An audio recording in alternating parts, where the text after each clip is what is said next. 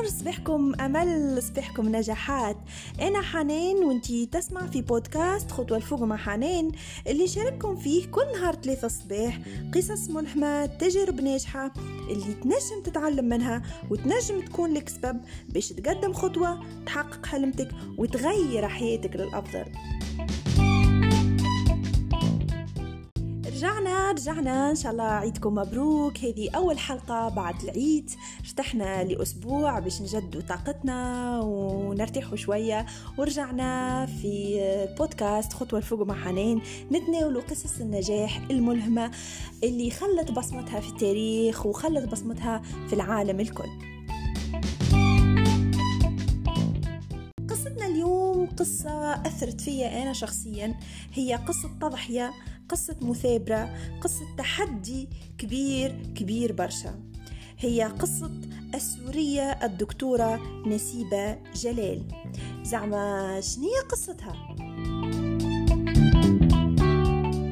الدكتورة نسيبة جلال هي سورية الأصل من مواليد 1972 بحلب.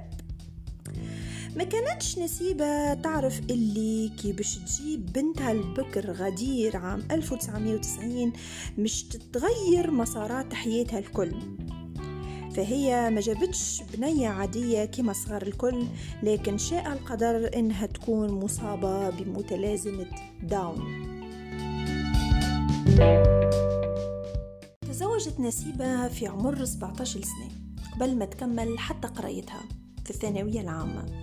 وبعد عام من الزواج جابت بنتها غدير اللي مع الأسف كانت تعاني من متلازمة داون. فمرت بمراحل الصدمة الكل من غضب نكران اكتئاب تقبل مساومة تكيف ولكن تقبلت بنتها في مدة خمسة أشهر فقط وتعايشت مع الموضوع وهو يعتبر زمن قياسي بالنسبة للأمهات والأباء اللي في نفس الوضعية.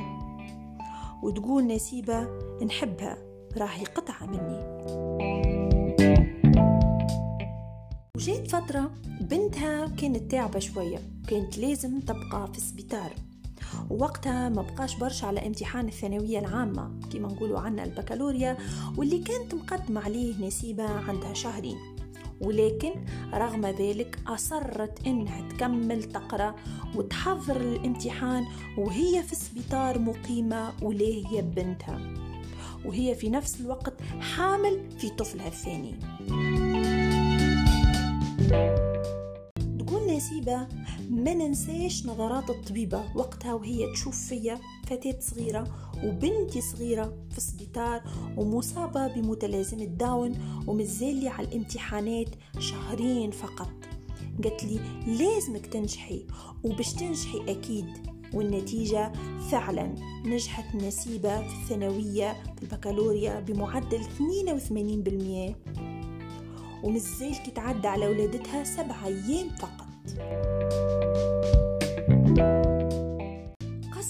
نسيبة على القراية بعد ما خذيت الثانوية العامة لمدة ستة سنوات وكانت عندها أربع صغار وتحرص إنها تتلهي بيهم وتقريهم من غير مساعدة مربية ولا غيرها.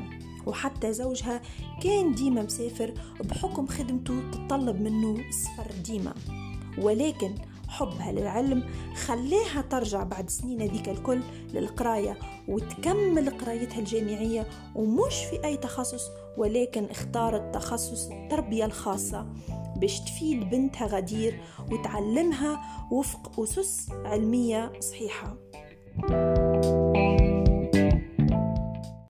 واصلت مسيرتها. وتدرجت في دراستها من دبلوم متوسط بكالوريوس ماجستير للي خذات الدكتوراه عام 2012 وهذا الكل وهي لاهية وحدها بصغارها اللي منهم بنية عندها متلازمة داون. وتقول نسيبة في كل مرحلة أنظر للمرحلة اللي تليها ويشجعني تفوقي الدائم. فالنجاح يولد النجاح. وفعلا أبدعت في تعليمها ورعايتها. بنتها غدير اللي علمتها مهارات متعدة وعاونتها تكون عندها ثقة عالية في نفسها واستعداد قوي لتطوير مهاراتها. وأدمجتها في المجتمع للي وصلت لدرجة التعلم الذاتي بتخصيص وقت لقراءة القرآن وللرسم وغيره. كما تنجم غدير اليوم تستعمل التليفون بكفاءة عالية جدا وتستعمل ليزابليكاسيون وبرامج تعليمية وبدأت تتعلم في اللغة التركية. مش هذا كهو؟ دخلت نسيبة تخدم بعد تخرجها وبدأت التدريس الأكاديمي في كلية المجتمع الإسلامي في الأردن وشاركت في إلقاء المحاضرات والندوات والفعاليات. وبعد انتقلت إلى إسطنبول وين استقرت غادي مع عائلتها وأسست قسم الدعم النفسي في أكاديمية العثمان اللي تقدم فيه برامج متعدة كما برامج تأهيل ذوي الاحتياجات الخاصة وبرامج استشارات نفسية تربوية وبرامج توعوية. زيدا دورات ومحاضرات ومؤتمرات علمية بخلاف سلسلة إذاعية أسبوعية عبر أثير إذاعة وطن بالإضافة للاستضافات والمقابلات التلفزيونية. وتقول نسيبة النجاح تتبعه نجاحات أخرى. وتقول زيدا طريق النجاح يتحقق عن طريق تطوير الذات وتخطي الصعاب وهذا لا يحصل إلا بالعلم. يا لروعة الأمومة ويا لروعة هالامرأة هذه وقوتها وتضحيتها. الحقيقة قصة واقعية. الامرأة عربية مسلمة من واقعنا ومن وقتنا توا عايشة معانا حاليا. بهذه التضحية وبهذه المثابرة في أيامنا توا الكل في سبيل رعاية ابنتها. بالعكس الصدمة والمرض متاع بنتها كان لها حافز باش تنجح وباش توصل دكتورة تنافس الدكاترة العالميين في الرعاية الخاصة بذوي الاحتياجات الخاصة. كانت تحطه في اليوتيوب اسمها نسيبة جلال تلقاو العديد من المحاضرات والمقابلات التلفزيونية اللي تحكي فيها على الدعم النفسي لذوي الاحتياجات الخاصة للرعاية النفسية والصحية للأطفال ذوي الاحتياجات الخاصة. نحكي آه، قصة نسيبة جلال آه، في اليوم هذا بالذات ونحن على بعد أيام قلائل من عيد الأم. تكريما للأمهات الكل. لأنه هالقصة تجسد قوة الأمومة قوة الأمومة في التضحية قوة الأمومة في الصبر قوة الأمومة في تجاوز العراقيل قوة الأمومة في الوصول للنجاح. حبيت نوصله من القصة هذه للأمهات اللي يسمعوا فيها الكل للنساء اللي يسمعوا فيها الكل اللي الأمومة مع عمرها ما كانت عائق إنك توصل تحقق طموحاتك ولا إنك توصل تحقق النجاحات اللي تحب عليها. بالعكس هي حافز ليك باش تتقوى هي حافز ليك باش تضحي وتجاهد باش توصل تنجح وتكون مثال لأولادك نهار آخر باش توصل تتلهي بأولادك وتوفر لهم الأسس العلمية والتربوية اللازمة. وعادي باش تجيك فترات تضحي فيها باش تجيك فترات آه، ممكن آه، تتعب شوية تأيس شوية.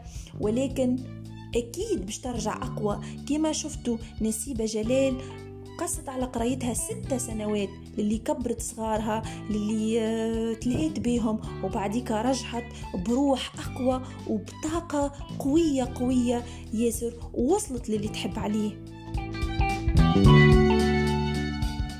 والأم مدرسة بخلاف إنها تربيهم وتعلمهم وتوكلهم وتشربهم هي اللي تزرع فيهم حب النجاح هي اللي تعلمهم مهارات النجاح هي اللي تبني أسس النجاح فيهم وتزرع فيهم المثابرة والإجتهاد والإصرار والعزيمة باش يوصلوا للي يحبوا عليه. الأمل اللي يبدأ موجود في الأم التفاؤل اللي عندها المهارة النجاح اللي تبدأ عندها تعديها لأولادها حتى بطريقة غير مباشرة. الأم المحبة للحياة المحبة للنجاح تزرع في صغارها وتطلع لنا جيل ناجح جيل يتعمل عليه جيل بكل مهارات وتفاؤل ونشاط وحيوية وحب للحياة وللتطوير. أساس كل شيء. هي اللي تزرع البذرة الأولى متاع النجاح متاع حب النجاح متاع الاجتهاد. نعرف فما برشا قصص تجسد تضحية الأم وقدرتها على النجاح وعلى توصيل صغارها وتربيتهم وتحقيق نجاحهم ونجاحها هي في حد ذاتها. ممكن في المحيط متاعكم سمعتوا برشا قصص وممكن أقوى حتى من القصة اللي حكيتها هذه ولكن اخترتها كمثال. اليوم قصة نسيبة جلال كتكريم لكل الأمهات لكل الأمهات اللي يسمعوا فيها تحية مني لكل النساء. لكل الأمهات المناضلات لكل الأمهات آه، اللي تعبوا في تربية صغارهم ووصلوا صغارهم باللي يقدروا عليه بكل واحدة بظروفها باللي تعدى عليها آه، بكل شيء. نعرف إنه عيد في العام ما يعني حتى شيء باش نكرموا به الأم ولكن ميسالش لازمنا كل يوم نذكروا الأمهات كل يوم نشكروا أمهاتنا اللي أمهاتهم متوفين الله يرحمها واللي أمهاتهم عايشين استهلوا فيهم كما نقولوها تلهاو بيهم حاولوا ترجعوا لهم حتى القليل القليل من عطاه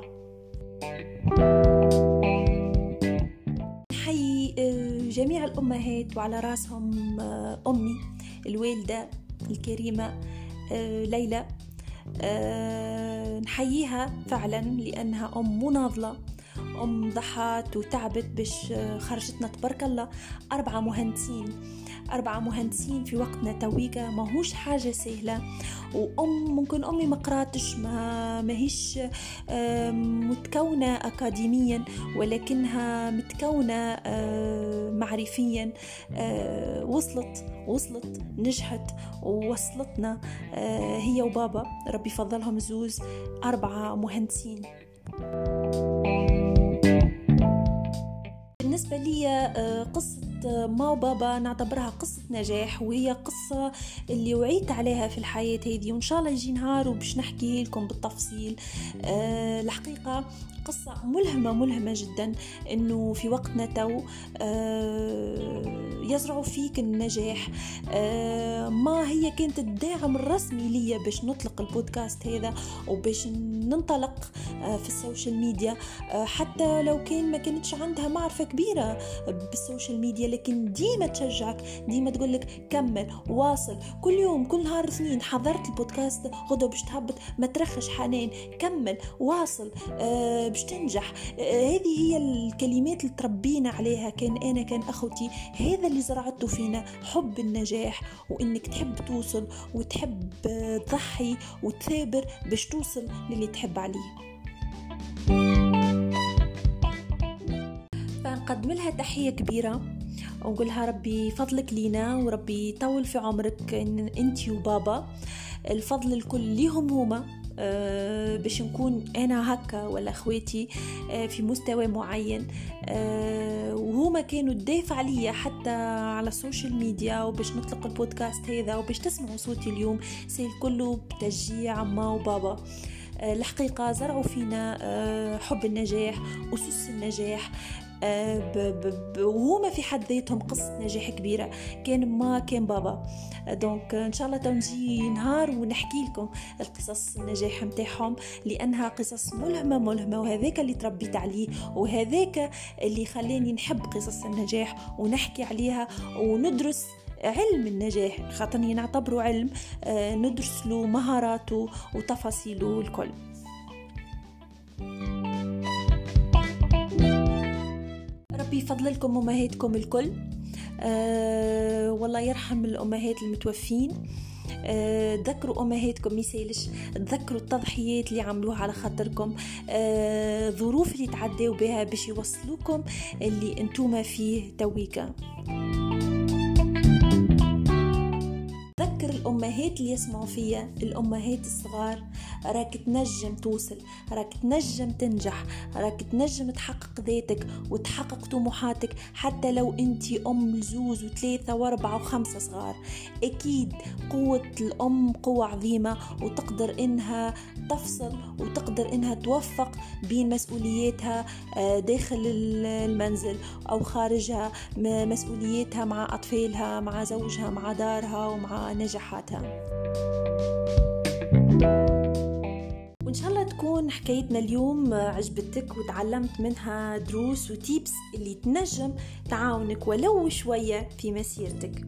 ننتظر تفاعلكم على منصات التواصل الاجتماعي. كما ننتظر اقتراحاتكم. القصص الناس تعرفوهم ولا سمعتوا بيهم وتحبونا نحكيوها في البودكاست. ونذكرك ديما اللي انت زادة مشروع قصة نجاح ملهمة. وإن شاء الله يجي اليوم اللي نحكي فيه قصة نجاحك انت. أي انت انت اللي تسمع فيا توا وتلهم العديد من الناس في تونس والعالم الكل. وعلى أمل نلقيكم بخير الحلقة القادمة إن شاء الله. وعلى أمل إنكم تلقاو ديما جرعة من الأمل في البودكاست متاعي وعلى أمل تكونوا بخير ونكون بخير. ونقولكم دمتم في رعاية الله. باي باي.